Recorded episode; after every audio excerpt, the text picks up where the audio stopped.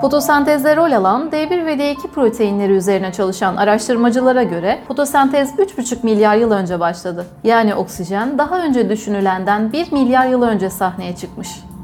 Danimarkalı araştırmacılar dikkat eksikliği ve hiperaktivite bozukluğu riskini artıran geni buldular.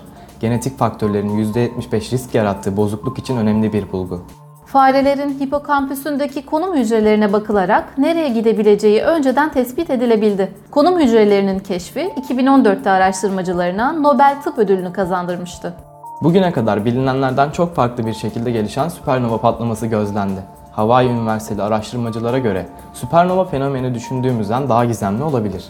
Beyin uyarımıyla depresyon tedavisinde yeni bir keşif gerçekleşti. Yeni yayımlanan araştırmaya göre lateral orbitofrontal korteksin elektrikli uyarımı depresyon hastalarında iyileşme sağlıyor.